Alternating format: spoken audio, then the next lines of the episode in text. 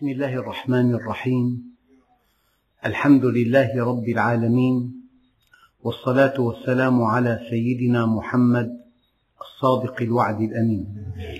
اللهم لا علم لنا إلا ما علمتنا. إنك أنت العليم الحكيم. اللهم علمنا ما ينفعنا. وانفعنا بما علمتنا. وزدنا علما. وأرنا الحق حقا وارزقنا اتباعه. وأرنا الباطل باطلا وارزقنا اجتنابه. واجعلنا ممن يستمعون القول فيتبعون أحسنه. وأدخلنا برحمتك في عبادك الصالحين. اللهم أخرجنا من ظلمات الجهل والوهم إلى أنوار المعرفة والعلم ومن وحول الشهوات إلى جنات القربات. أيها الإخوة الكرام مع الدرس الخامس والخمسين من سورة الأنعام ومع الآية الواحدة والثلاثين بعد المئة وهي قوله تعالى ذلك أن لم يكن ربك مهلك القرى بظلم وأهلها غافلون. الله عز وجل أسماؤه كلها حسنى وصفاته كلها فضلى ومن أسمائه العدل. فالله عز وجل لا يظلم ما كان الله ليظلمهم ولا تظلمون فتيلا ولا قطمير ولا حب من خردل. لا ظلم اليوم وما كان الله ليظلمهم. عدد كبير جدا من الآيات ينفي نفيا قاطعا الظلم عن الله عز وجل.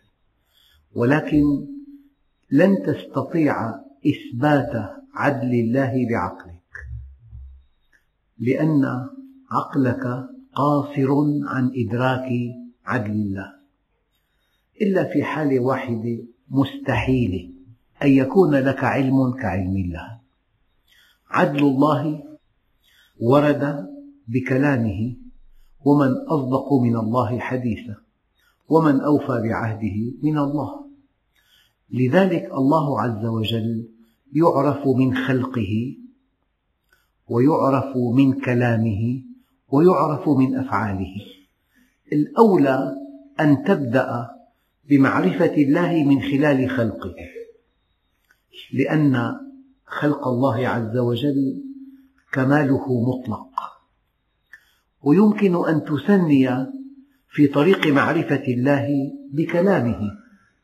كلامه معجز أما أفعاله ينبغي أن ترجئها للمرحلة الثالثة لأن فهمك لعظمة الله من خلال خلقه وفهمك لعظمة تشريعه من خلال كلامه يلقي لك ضوءا على أفعاله. لذلك ابدأ بالتفكر في خلق السماوات والأرض وثني بتدبر القرآن الكريم وبعدئذ يمكن أن تستنبط من أفعاله الحكم الكثيرة.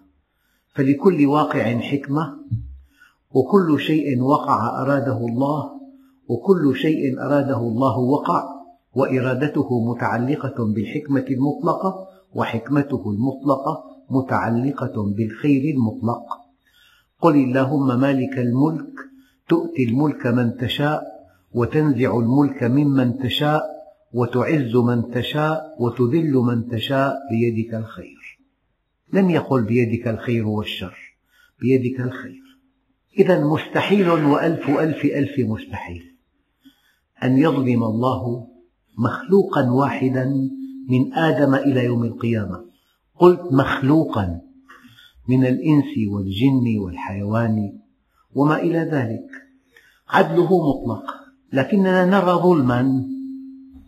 هذا الذي نراه من الظلم الشديد موظف للخير المطلق فالشر المطلق لا وجود له في الكون. بل إن الشر المطلق يتناقض مع وجود الله والتناقض أن وجود أحدهما ينقض الآخر. ما دام الله موجودا فليس في ملك الله شر مطلق. في شر نسبي في شر موظف للخير. أما شر مطلق ما في. والنبي عليه الصلاة والسلام يقول والشر ليس إليك. وللتوضيح مواد أساسية السكر والملح ومسحوق الغسيل. مواد أساسية ولها قيمة كبيرة ولها نفع عظيم. لكن لو وضعت المسحوق مسحوق التنظيف في الطعام فسد فالفساد من أين أتى؟ لا من أصل الخلق من سوء الاستعمال. الأنثى صممت للذكر عن طريق الزواج وإنجاب الأولاد والمرأة التي يتزوجها الشاب لها مستقبل. ستغدو أما وجدة ولها أولاد ولها أصهار. أما إذا استمتع بها الإنسان خارج نطاق الزوجية ألقاها كعلبة فارغة بعد أن يقضي وطره منها.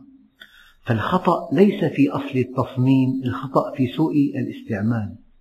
ولأن الإنسان وحده مخير أودع الله فيه الشهوات أعطاه منهجا أعطاه عقلا منحه فطرة. فإذا تحرك بدافع من شهواته بعيدا عن منهج الله كان الفساد في الأرض. لذلك قال تعالى ظهر الفساد في البر والبحر بما كسبت أيدي الناس. كل ما سوى الإنس والجن مسير. معنى مسير ما في فساد أبدا. ظهر الفساد في البر والبحر بما كسبت أيدي الناس ليذيقهم بعض الذي عملوا. لعلهم يرجعون. أيها الإخوة ذلك أن لم يكن ربك مهلك القرى بظلم وأهلها غافلون.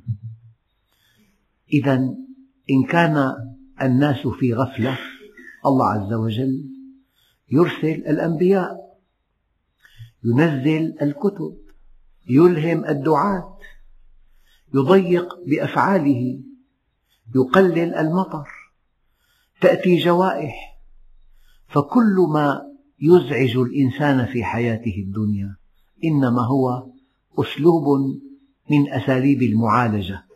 تماما كما لو أن طبيبا أخبر مريضا معه التهاب معدة حاد يقول له يمكن أن تشفى بحمية صارمة فإن لم تأخذ بهذه الحمية الصارمة لا بد من عمل جراحي. لذلك الله عز وجل له دعوة بيانية. وأنت سليم معافى مرتاح يأتيك الحق بمحاضرة بتفسير بكتيب بندوة بقراءة بخطبة. ينبغي أن تستجيب لأن الله عز وجل يقول يا أيها الذين آمنوا استجيبوا لله وللرسول إذا دعاكم لما يحييكم. فإن لم تستجب أخضعك الله لمعالجة أصعب. قال تعالى ولنذيقنهم من العذاب الأدنى دون العذاب الأكبر لعلهم يرجعون. عجب ربكم من قوم يساقون إلى الجنة بالسلاسل. هذا اسمه التأديب التربوي. أول شيء الدعوة البيانية بيان فقط. خطبة تلقى درس يلقى كتاب يقرأ آية كريمة تقرأها حديث شريف تقرأه موعظة تسمعها ندوة تحضرها. هذا الهدى البياني. إن لم يستجب الإنسان للهدى البياني يخضع لمعالجة تربوية صعبة. هي عجب ربكم من قوم يساقون إلى الجنة بالسلاسل. بالحالة الأولى أكمل شيء أن تستجيب وبالحالة الثانية أكمل شيء أن تتوب. فإن لم يستجب ولم يتب أخضع إلى معالجة قلما تنجح مع معظم الناس. الإكرام الاستدراجي. فلما نسوا ما ذكروا به فتحنا عليهم أبواب كل شيء حتى إذا فرحوا بما أوتوا أخذناهم بغتة. هذا الإكرام الاستدراجي. فإن لم يشكر جاءه الهدى البياني فلم يستجب. ثم جاءه التأديب التربوي فلم يتب. ثم جاءه الإكرام الاستدراجي فلم يشكر عندئذ لا بد من القصم. فلما نسوا ما ذكروا به فتحنا عليهم أبواب كل شيء حتى إذا فرحوا بما أوتوا أخذناهم بغتة. إذا أحيانا أنت تنفي الحدث. يقول فلان لم يسرق هذا القلم قد يكون قد سرق الملايين. أما هذا القلم المفقود لم يسرقه. هذا اسمه نفي الحدث. أما إذا قلت ما كان له أن يسرق هذا اسمه في اللغة نفي الشأن. يعني ليس من شأن هذا الإنسان أن يسرق ولا من طبيعته ولا يرضى بالسرقة ولا يحبذها ولا يقر فاعلها ويتألم منها أشد الألم. هذا نفي الشأن. الله عز وجل قال وما كان الله ليظلمهم. الآن ما في شيء أقل من خيط بين فلقتي نواة التمرة. هذا الفتيل ولا تظلمون فتيلا. وما في شيء أقل من غشاء رقيق جدا يغلف النواة هذا القطمير. وما في شيء أقل من رأس النواة المؤنث هذا النقير. لا نقير ولا قطمير ولا فتيل. ولا حبة من خردل ولا ظلم اليوم وما كان الله ليظلمهم. أما أن تستطيع أن تدرك عدل الله بعقلك هذا مستحيل لأن عقلك لم يصل إلى علم الله عز وجل. ففي شأن العدل ينبغي أن تستسلم. وكلما ظهر اجتياحات وحروب ونكبات وزلازل وأعاصير ضعاف الإيمان يتزلزلون. لكن الله سبحانه وتعالى خلقنا لجنة عرضها السماوات والأرض. لكن بشكل دقيق جدا السيارة أصل صنعها من أجل أن تسير. لماذا تجهز بمكابح والمكبح في حقيقته يتناقض مع أصل صنعها؟ المكبح يوقف السيارة. هي سيارة من أجل أن تسير لأن المكابح ضرورية جدا جدا جدا لسلامتها. لذلك الإنسان خلق للسعادة والدليل إلا من رحم ربك ولذلك خلقهم. ومع ذلك تأتي المصائب كي تحقق لهم السعادة. وقال العلماء وأسبغ عليكم نعمه ظاهرة وباطنة النعم الباطنة هي المصائب.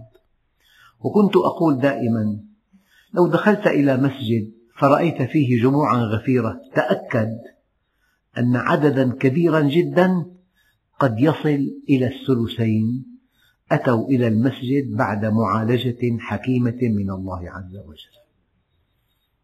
فكل شيء يسوقه الله للإنسان محض فضل ومحض عدل ومحض رحمة.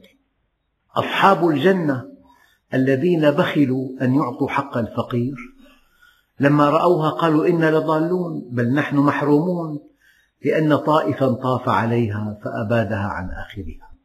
الله عز وجل يقول في نهاية القصة كذلك العذاب. إنا لضالون بل نحن محرومون. قال أوسطهم ألم أقل لكم لولا تسبحون؟ قالوا سبحان ربنا إنا كنا ظالمين. الله عز وجل يعقب على هذه القصة كذلك العذاب. أي أنه يا عبادي كل عذاب أسوقه لكم من هذا القبيل. من أجل أن تحققوا الهدف من وجودكم من أجل أن تحققوا السعادة الأبدية من أجل أن تأتوني منيبين تائبين. وعزتي وجلالي دققوا في هذا الحديث القدسي. وعزتي وجلالي لا أقبض عبدي المؤمن وأنا أحب أن أرحمه إلا ابتليته بكل سيئة كان عملها سقما في جسده أو إقتارا في رزقه أو مصيبة في ماله أو ولده حتى أبلغ منه مثل الذر فإذا بقي عليه شيء شددت عليه سكرات الموت حتى يلقاني كيوم ولدته أمه. أيها الإخوة مصائب المؤمنين مصائب دفع ورفع. الإنسان أحيانا مع إيمانه ومع صحة عقيدته ومع صحة تصوراته تضعف همته أحيانا. فيأتيه ما يدفعه إلى الله. لعله يرى شبح مصيبة شبح مرض شبح فقر لعله يقع تحت تهديد عدو ليس له ملجأ إلا الله. لذلك شأن العبد المقصر الذي تأتيه مصيبة كي تدفعه إلى الله كشأن ابن ترك يد أمه فنبح عليه كلب فخاف من هذا الكلب وعاد إلى أمه يحتمي بها وكل أمنه مع أمه. وكل سعادته مع أمه وكل حاجاته مقضية مع أمه. فهو حينما ترك يد أمه جاء من يدفعه إلى أمه. فالبصائب للمؤمنين مصائب دفع إلى باب الله. الله عز وجل يلجئنا إلى بابه. لذلك من هو الشقي؟ دققوا. هو الذي يكون خارج العناية الإلهية. لأنه بالضبط لو أنه إنسان معه ورم خبيث منتشر بكل أنحاء جسمه وسأل طبيب بلهفة شديدة ماذا آكل؟ وما الذي تمنعني عن أن آكله؟ يقول له كل ما تشاء. ما في أمل الآن كل ما تشاء. أما الذي معه التهاب معدة؟ يقيم عليه الطبيب الدنيا ولا يقعدها لو أكل قطعة من مواد تسبب زيادة هذه القرحة. يعطيه حمية صارمة يشدد عليه يعنفه. لذلك لمجرد أن تكون ضمن العناية الإلهية فأبشر. لمجرد أن تكون في عناية الله المشددة فأبشر. لمجرد أن تتابع إذا أحب الله عبده عجل له بالعقوبة. يعني أحيانا تتراكم الذنوب إلى أن يستحق الإنسان ضربة قاضية. وأحيانا لأن هذا الإنسان في خير كبير يتابع ذنب ذنب كما لو أنه مدير مؤسسة جاء موظف فقال له ستة أشهر تجريب. فبدأ المدير يحصي عليه أخطاءه فقط. تأخر اليوم غاب كثيرا لم يحسن التصرف لا يملك خبرة. هم المدير أن يحصي عليه أغلاطه حتى إذا تراكمت صرفه. أما لو أن الابن عند أبيه في مؤسسة يحاسبه كل دقيقة وكل ساعة وعند كل خطأ لأنه ابنه رحمته تقتضي أن يدربه لا أن يحصي عليه أخطاءه. لذلك أنت حينما تشعر أن الله يتابعك كثيرا ويحاسبك كثيرا أبشر فأنت في العناية المشددة. أنت لست ممن لا خير فيهم. وأوحي إلى نوح أنه لن يؤمن من قومك إلا من قد آمن فلا تبتئس بما كانوا يصنعون.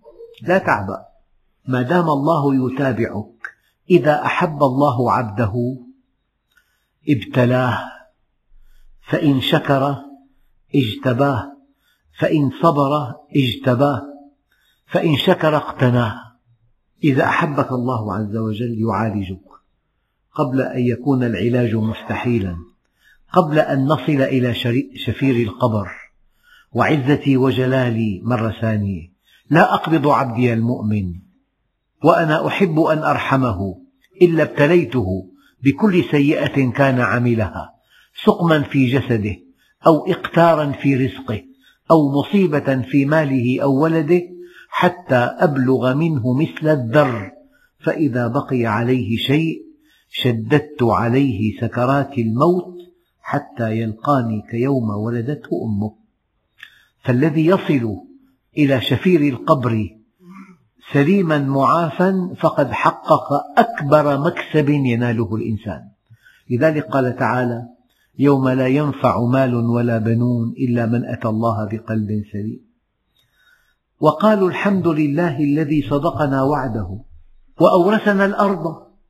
نتبوأ من الجنة حيث نشاء. هو في الجنة الآن. في متعة ما بعدها متعة في نعيم مقيم لهم ما يشاءون فيها. ينظرون إلى وجه الله الكريم يغيبون خمسين ألف عام من نشوة النظرة. في تكريم يقال لهم سلام عليكم طبتم فادخلوها خالدين. وقالوا الحمد لله الذي صدقنا وعده. نحن جئنا في الأرض هناك الله عز وجل عالجنا. وضيق علينا وشدد علينا وعجل لنا بالعقوبة وابتلانا ببعض المصائب حتى أصبحنا مؤهلين لهذا المقام في الجنة. سؤال دقيق. لو ابن في الصف الخامس المثل افتراضي قال لأبيه لا أحب أن أدرس. فالأب على هذه الكلمة فقط قال له دع المدرسة. هو طفل صغير لا يعرف حقيقة الدراسة ولا علاقتها بمستقبله. ترك الدراسة نام إلى الظهر رافق رفقاء السوء دخل إلى السينمات لعب النرد والطاولة مع أصدقائه إلى أن كبر. رأى نفسه لا شهادة ولا وظيفة ولا بيت ولا زواج ولا شيء. تألم ألما شديدا من أبيه. فقال لأبيه يا أبت يوم قلت لك لا أحب أن أدرس لم لم تضربني؟ لم لم تعنفني؟ لم لم تحملني بالشدة على أن أدرس؟ أنا لا أعرف مستقبلي.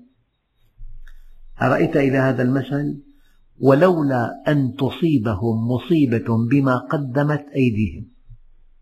لقالوا يوم القيامة ربنا لولا أرسلت إلينا رسولا ومعنى رسول هنا المصائب فنتبع آياتك من قبل أن نذل ونخزى.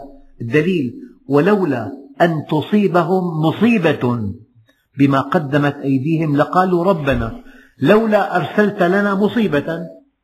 الله عز وجل أبدلها برسالة لأن المصيبة رسالة رسالة عملية.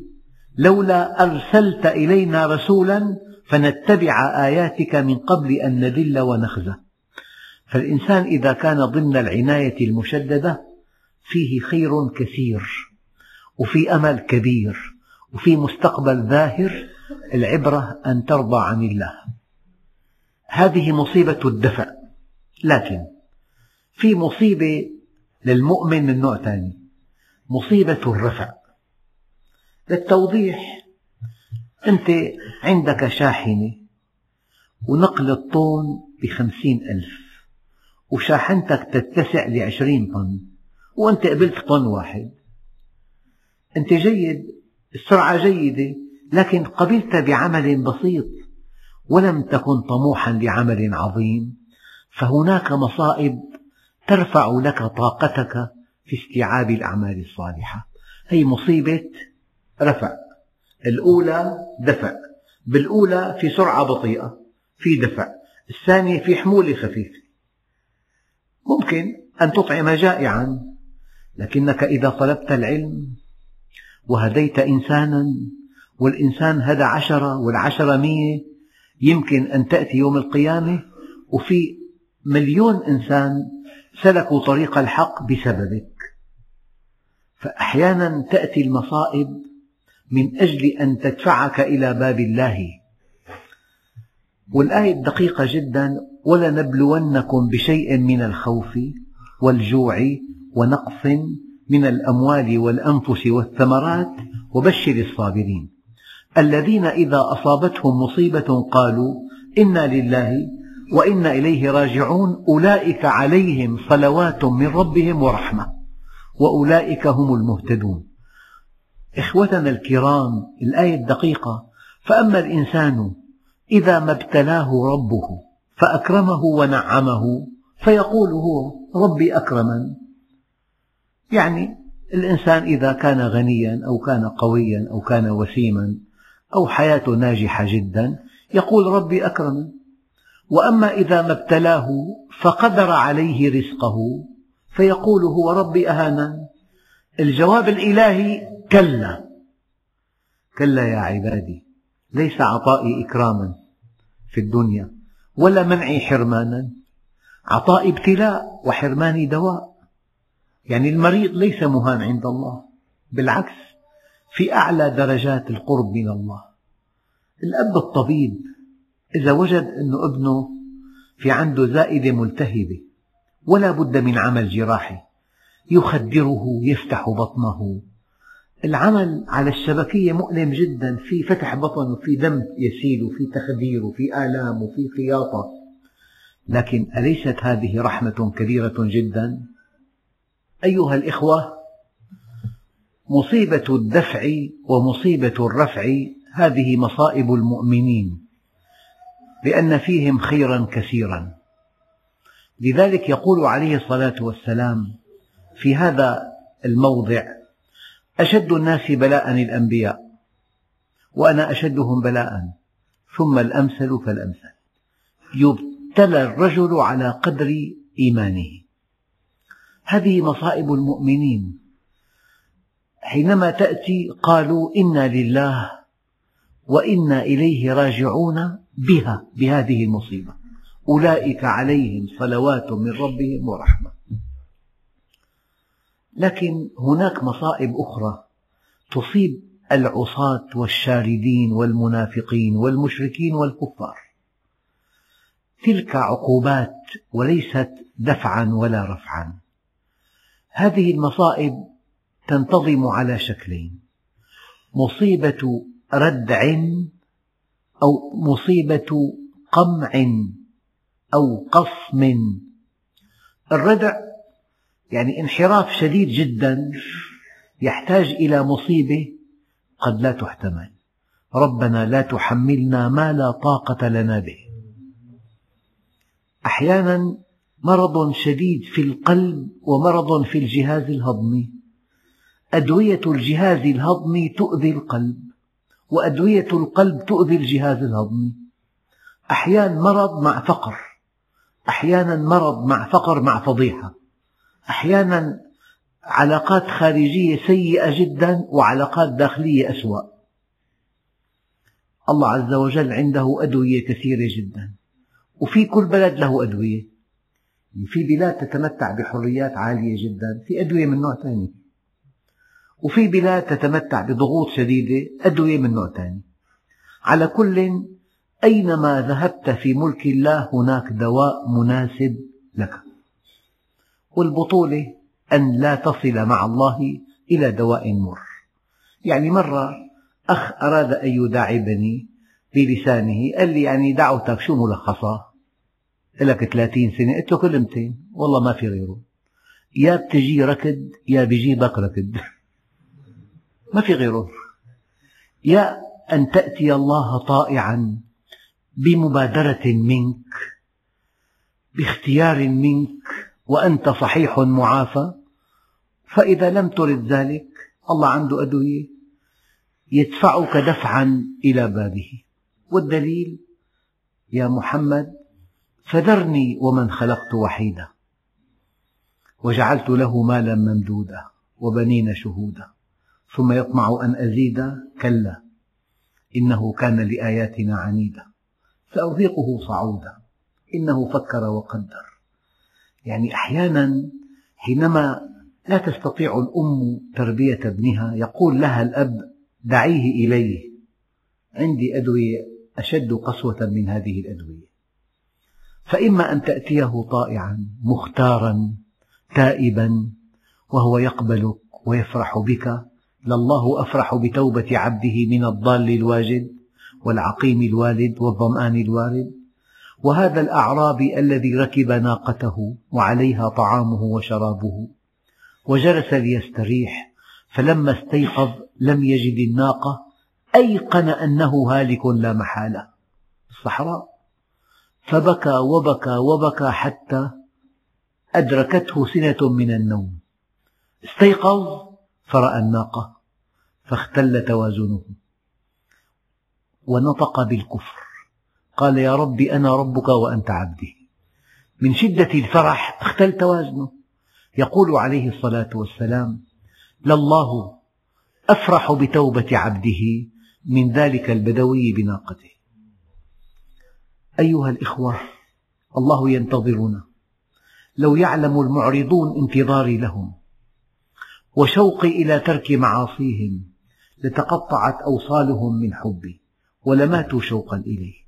يا داود هذه إرادتي في المعرضين فكيف بالمقبلين؟ إذا قال العبد يا ربي وهو راكع يقول الله له لبيك يا عبدي. فإذا قال يا ربي وهو ساجد يقول الله له لبيك يا عبدي. فإذا قال يا ربي وهو عاص يقول الله له لبيك ثم لبيك ثم لبيك. والأب يعرف هذا المعنى. الابن المستقيم المهذب وضعه طبيعي في البيت. أما الابن المنحرف الشارد حينما يعود إلى أبيه تائبا يمتلئ قلب الأب رحمة وفرحا لا يوصف.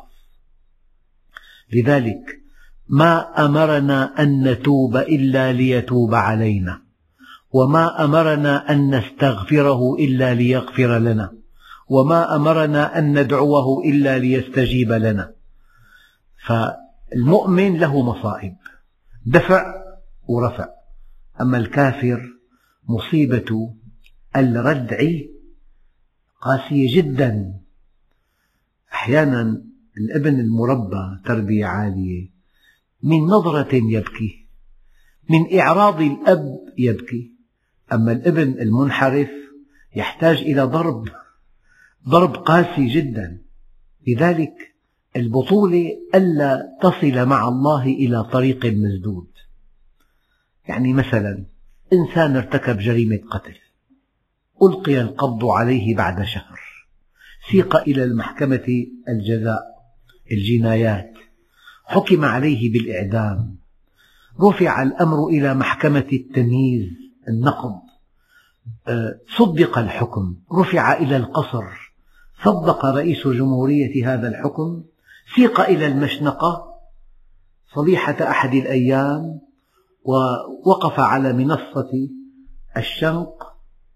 نقول له الآن وصلت إلى طريق مسدود. إن شئت أن تبكي فابكي. لا بد من أن تعدم. إن شئت أن تضحك فاضحك. لا بد من أن تعدم. إن شئت أن تترجى ترجى. لا بد من أن تعدم. إن شئت أن تتماسك تماسك. لا بد من أن تعدم. فالبطولة ألا أصل مع الله إلى طريق مسدود. ألا تنطبق علي الآية الكريمة فما أصبرهم على النار. مصيبة الكافر والعاصي والمنافق والمنحرف والمجرم ردع أولا. إذا ردع بيكون في بقية خير. بقية خير. فإن لم يكن في بقية خير قصم أما الأنبياء فمصائبهم مصائب كشف. ينطوي على كمال صعب تصوره. صعب. يعني إنسان يمشي على قدمين ثمانين كيلومتر في طرق وعرة. يعني الآن إنشاء هذه الطرق إلى الطائف كلف المتعهدين بتفكيك الآلات كلها ونقلها إلى موقع العمل قطعة قطعة ثم تركيبها من شدة وعورة الطرق. يقطع هذه المسافة على قدميه ليصل إلى أهل الطائف يكذبوه يستهزئوا به يسخروا منه يستخفوا به ثم يدفعون أولادهم لضربه وإيذائه. وسال الدم من قدميه الشريفتين. إذا الواحد يعني أنت أخذ دكتوراه وما قال لك دكتور بتزور زورة. ضرب النبي عليه الصلاة والسلام. ضرب. وسال الدم منه. وقال يا رب إني أشكو إليك ضعف قوتي وقلة حيلتي وهواني على الناس. يا رب المستضعفين إلى من تكلني؟ إلى صديقي يتجهمني أم إلى عدو ملكته أمري؟ إن لم يكن بك غضب علي فلا أبالي ولك العتبى حتى ترضى. لكن عافيتك أوسع لي الآن أراد الله أن يظهر كماله. أرسل له ملك الجبال. وقال يا محمد أمرني ربي أن أكون طوع إرادتك. لو شئت لأطبقت عليهم الجبلين. يعني الله مكنوا أن ينتقم. مكنوا أن يبيدهم عن آخرهم. مكنوا أن يلغي وجودهم. قال لا يا أخي. اللهم اهد قومي. قومي. ما تخلى عنهم. ودعا لهم بالهداية. واعتذر عنهم. إنهم لا يعلمون. واستبشر أن يخرج الله من أصلابهم من يوحده. هذا الكمال البشري هو الكمال الأول في الأرض. لا يظهر بالأحوال العادية. يعني إنسان يقول لزوجته يعني أنا معجب بك في أشد الأحوال. أما حينما تغدو مريضة مقعدة يتحمل شهر شهرين بعدين يتبرم مرض الزوجة أحيانا يكشف حب الزوج لها. ففي أزواج يتفانون في العناية بزوجاتهم المريضات وفي أزواج يريدها صحيحة لائقة. براقة فإذا أصابها مرض تخلى عنها. نعم. والله أعرف زوجان الاثنان بأعلى درجة علمية. أصيب الزوج بمرض خبيث فتركته الزوجة لتبحث عن عن زوج آخر. صحيح. أيها الإخوة مصائب الأنبياء مصائب كشف. يعني في كمال لا يظهر.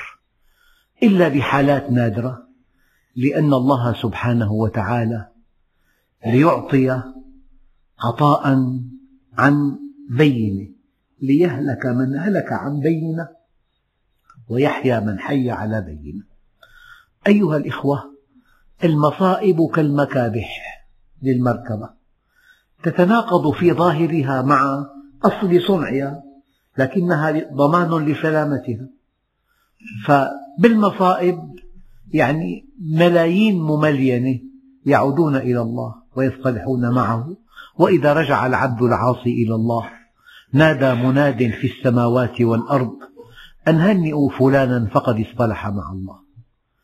كلمة أن هنئوا فلانا كلمة التهنئة لا تليق إلا بمن اصطلح مع الله. ولا يليق بك أن تكون لغير الله. إنك إن كنت لغير الله تحتقر نفسك. أحيانا ترفض آلاف الأشياء ازدراء لها. ترفض وظيفة دخلها قليل. ترفض زوجة غير مستقيمة. ترفض بيت صغير وشمالي. لكنك إذا رفضت الحق تحتقر نفسك. ومن يرغب عن ملة إبراهيم إلا من سفه نفسه. فأنت لله. ولا يليق بك أن تكون لغير الله. لا يليق بك أن تجير لإنسان أو لجهة أو لجماعة. أنت لله. خلقت لك ما في السماوات والأرض ولم أعي بخلقهم. أفيعيني رغيف أسوقه لك كل حين. لي عليك فريضة ولك علي رزق. فإذا خالفتني في فريضتي لم أخالفك في رزقك. وعزتي وجلالي إن لم ترض بما قسمته لك فلأسلطن عليك الدنيا تركض فيها ركض الوحش في البرية ثم لا ينالك منها إلا ما قسمته لك ولا أبالي. وكنت عندي مذموما أنت تريد وأنا أريد فإذا سلمت لي فيما أريد كفيتك ما تريد. وإن لم تسلم لي فيما أريد أتعبتك فيما تريد ثم لا يكون إلا ما أريد. أيها الإخوة المصائب محك الرجال والحزن خلاق والنعيم لا يأتي بشيء. يعني واحد إذا كان ببحبوحة وعنده بيت جميل جدا وهو مغرم بأن ينغمس في مياه فاترة يسترخي بها متى يصير طبيبا أو تاجرا أو إنسانا مهما؟ المتع الحسية لا تقدم ولا تؤخر. بل تفسد الأخلاق. لكن المصائب تكون محك الرجال. والله الذي لا إله إلا هو. وأنا أعني ما أقول. لو أن الله كشف يوم القيامة لكل المؤمنين ما ساقه لهم من شدائد. بيقول لك اجتياح بيقول لك احتلال قصف لو أن الله كشف للمؤمنين ما ساق لهم من شدائد. إذا لم يذوبوا كالشمعة. محبة لله فهذا الدين ليس دين الله. الله عز وجل غني عن تعذيبنا. ما يفعل الله بعذابكم إن شكرتم وآمنتم؟ ما نزل بلاء إلا بذنب ولا يرفع إلا بالتوبة. أبدا. أولما أصابتكم مصيبة قد أصبتم مثليها قلتم أن هذا قل هو من عند أنفسكم. ما من عثرة ولا اختلاج عرق ولا خدش عود إلا بما قدمت أيديكم وما يعفو الله أكثر. يعني أنت حينما تفهم حقيقة المصيبة هي رحمة من الله معالجة إلهية وقد تكون قاسية. لكن حينما تكتشف نتائجها يوم القيامة وقالوا الحمد لله الذي أذهب عنا الحزن وقالوا الحمد لله الذي أورثنا الأرض. نتبوأ منها حيث نشاء الآن. لولا الأرض ومتاعب الأرض الأرض فيها متاعب يعني أقل متاعب في تقدم بالسن. كل الطاقات تتراجع. الحواس تتراجع. الصحة تتراجع. الجمال يتراجع. في, في تناقص بالحياة الدنيا. في هموم. في زوجة بلاء من الله أحيانا. وفي زوج بلاء من الله. وفي أولاد عتاد عاقون وفي فضائح وفي فقر وفي قهر وفي حرب وفي سجون وفي أمراض. الآن أكبر سيف سيف المرض وأكبر مرض الآن منتشر هو الورم الخبيث. طبعا بأخطاء كثيرة جدا بحياتنا. بغذائنا بطعامنا ببيئتنا بتلوث الهواء بالمواد البلاستيكية بالإشعاع النووي بالمبيدات الحشرية بالهرمونات التي نستخدمها بنظام حياتنا. في أمراض في قهر في اجتياح انظروا ماذا يحصل في بلاد مجاورة. شيء لا يحتمل. ولنذيقنهم من العذاب الأدنى دون العذاب الأكبر لعلهم يرجعون. لكن إنسان خضع لمعالجة إلهية وقاسية كانت لكن لصالحه فإذا نجا من عذاب الآخرة هو السعيد الأول. لذلك وإن منكم إلا واردها ما من البشر واحد إلا وسيرد النار. لماذا؟ ولو كان مؤمنا. العلماء قالوا ورود النار غير دخولها. ورود النار غير دخولها. الذي يرد النار لا يتأثر ولا بوهجها. ولكن ليرى المؤمن مكانه في النار لو لم يكن مؤمنا. كي تتضاعف سعادته في الجنة. وليرى المؤمن عدل الله عز وجل. هؤلاء الطغاة أين مصيرهم فلذلك الإنسان إذا ورد النار لا أقول دخلها ورد النار تتضاعف سعادته في الجنة ويرى عدل الله عز وجل. فالبطولة أن تكون مع الله وأن تستسلم له. قال له يا ربي هل أنت راض عني؟ إنسان يطوف حول الكعبة. ورأوا الشافعي قال له يا هذا هل أنت راض عن الله حتى يرضى عنك؟ قال عجيب أمرك. من أنت؟ قال له أنا محمد بن إدريس. قال له كيف أرضى عن الله وأنا أتمنى رضاه؟ ما هذا الكلام؟ فقال له الإمام الشافعي إذا كان سرورك بالنقمة كسرورك بالنعمة فقد رضيت عن الله. لقوله تعالى رضي الله عنهم ورضوا عنه. هل أنت راض عن الله؟ عن أنك بهذا الشكل بهذه الإمكانات من أم وأب معينين ببلد معين بوضع معين ببيئة معينة بدخل معين. هل أنت راض عن الله؟ تأكد أنه ليس في الإمكان أبدع مما كان. ولو كشف الغطاء لاخترتم الواقع.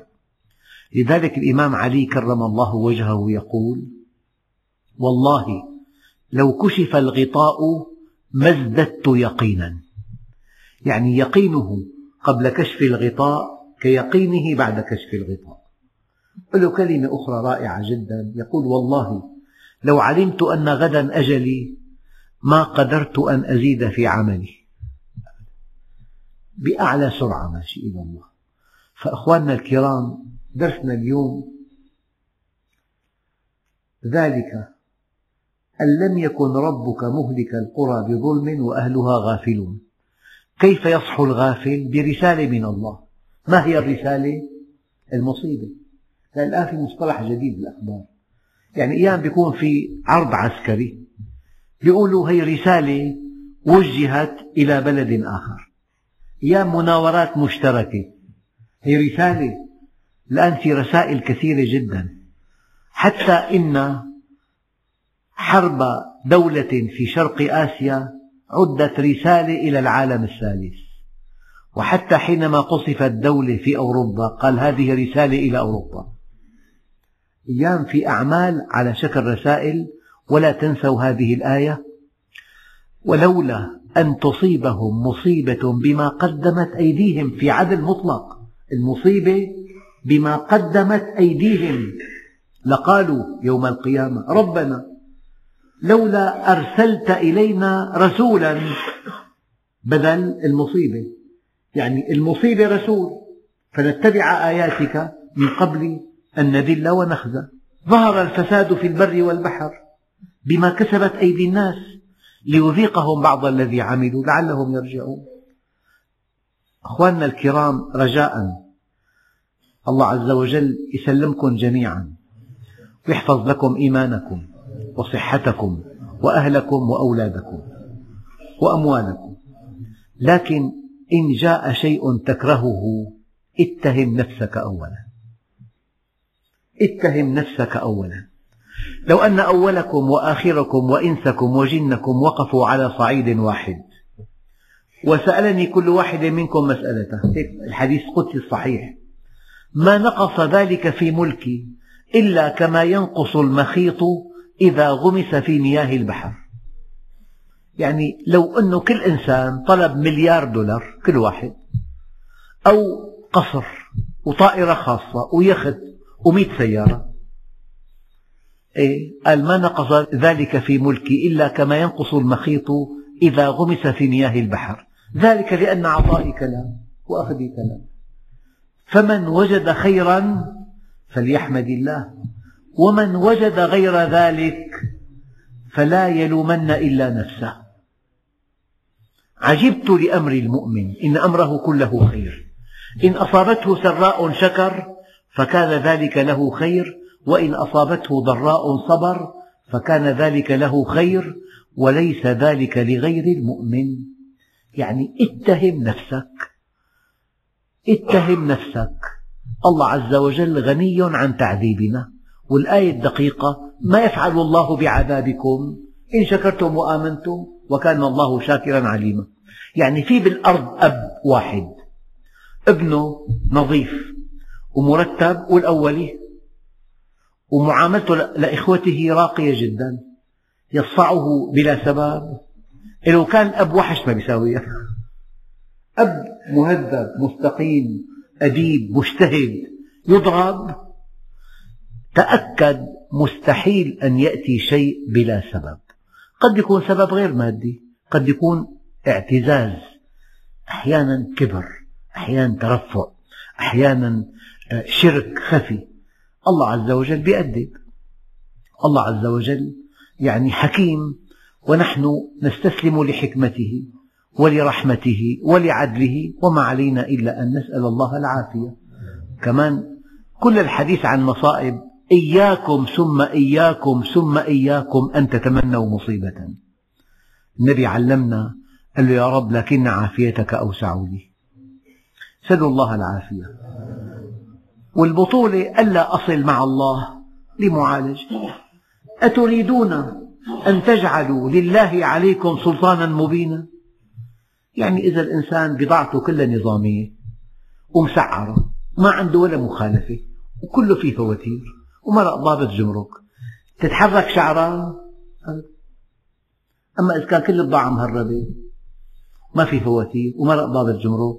بينهار أتريدون أن تجعلوا لله عليكم سلطانا مبينا؟ فإذا الإنسان استقام الله عز وجل وعده بالسلامة. أخواننا الكرام بس رجاء. لما النبي الكريم أردف وراءه سيدنا معاذ قال له يا معاذ القصة معروفة عندكم. آخر فقرة فيها ما حق العباد على الله إذا هم عبدوه؟ قال ألا يعذبهم. اطمئنوا. اطمئنوا. استقم واطمئن إلى أن الله لا يتخلى عنك. تب إلى الله واطمئن.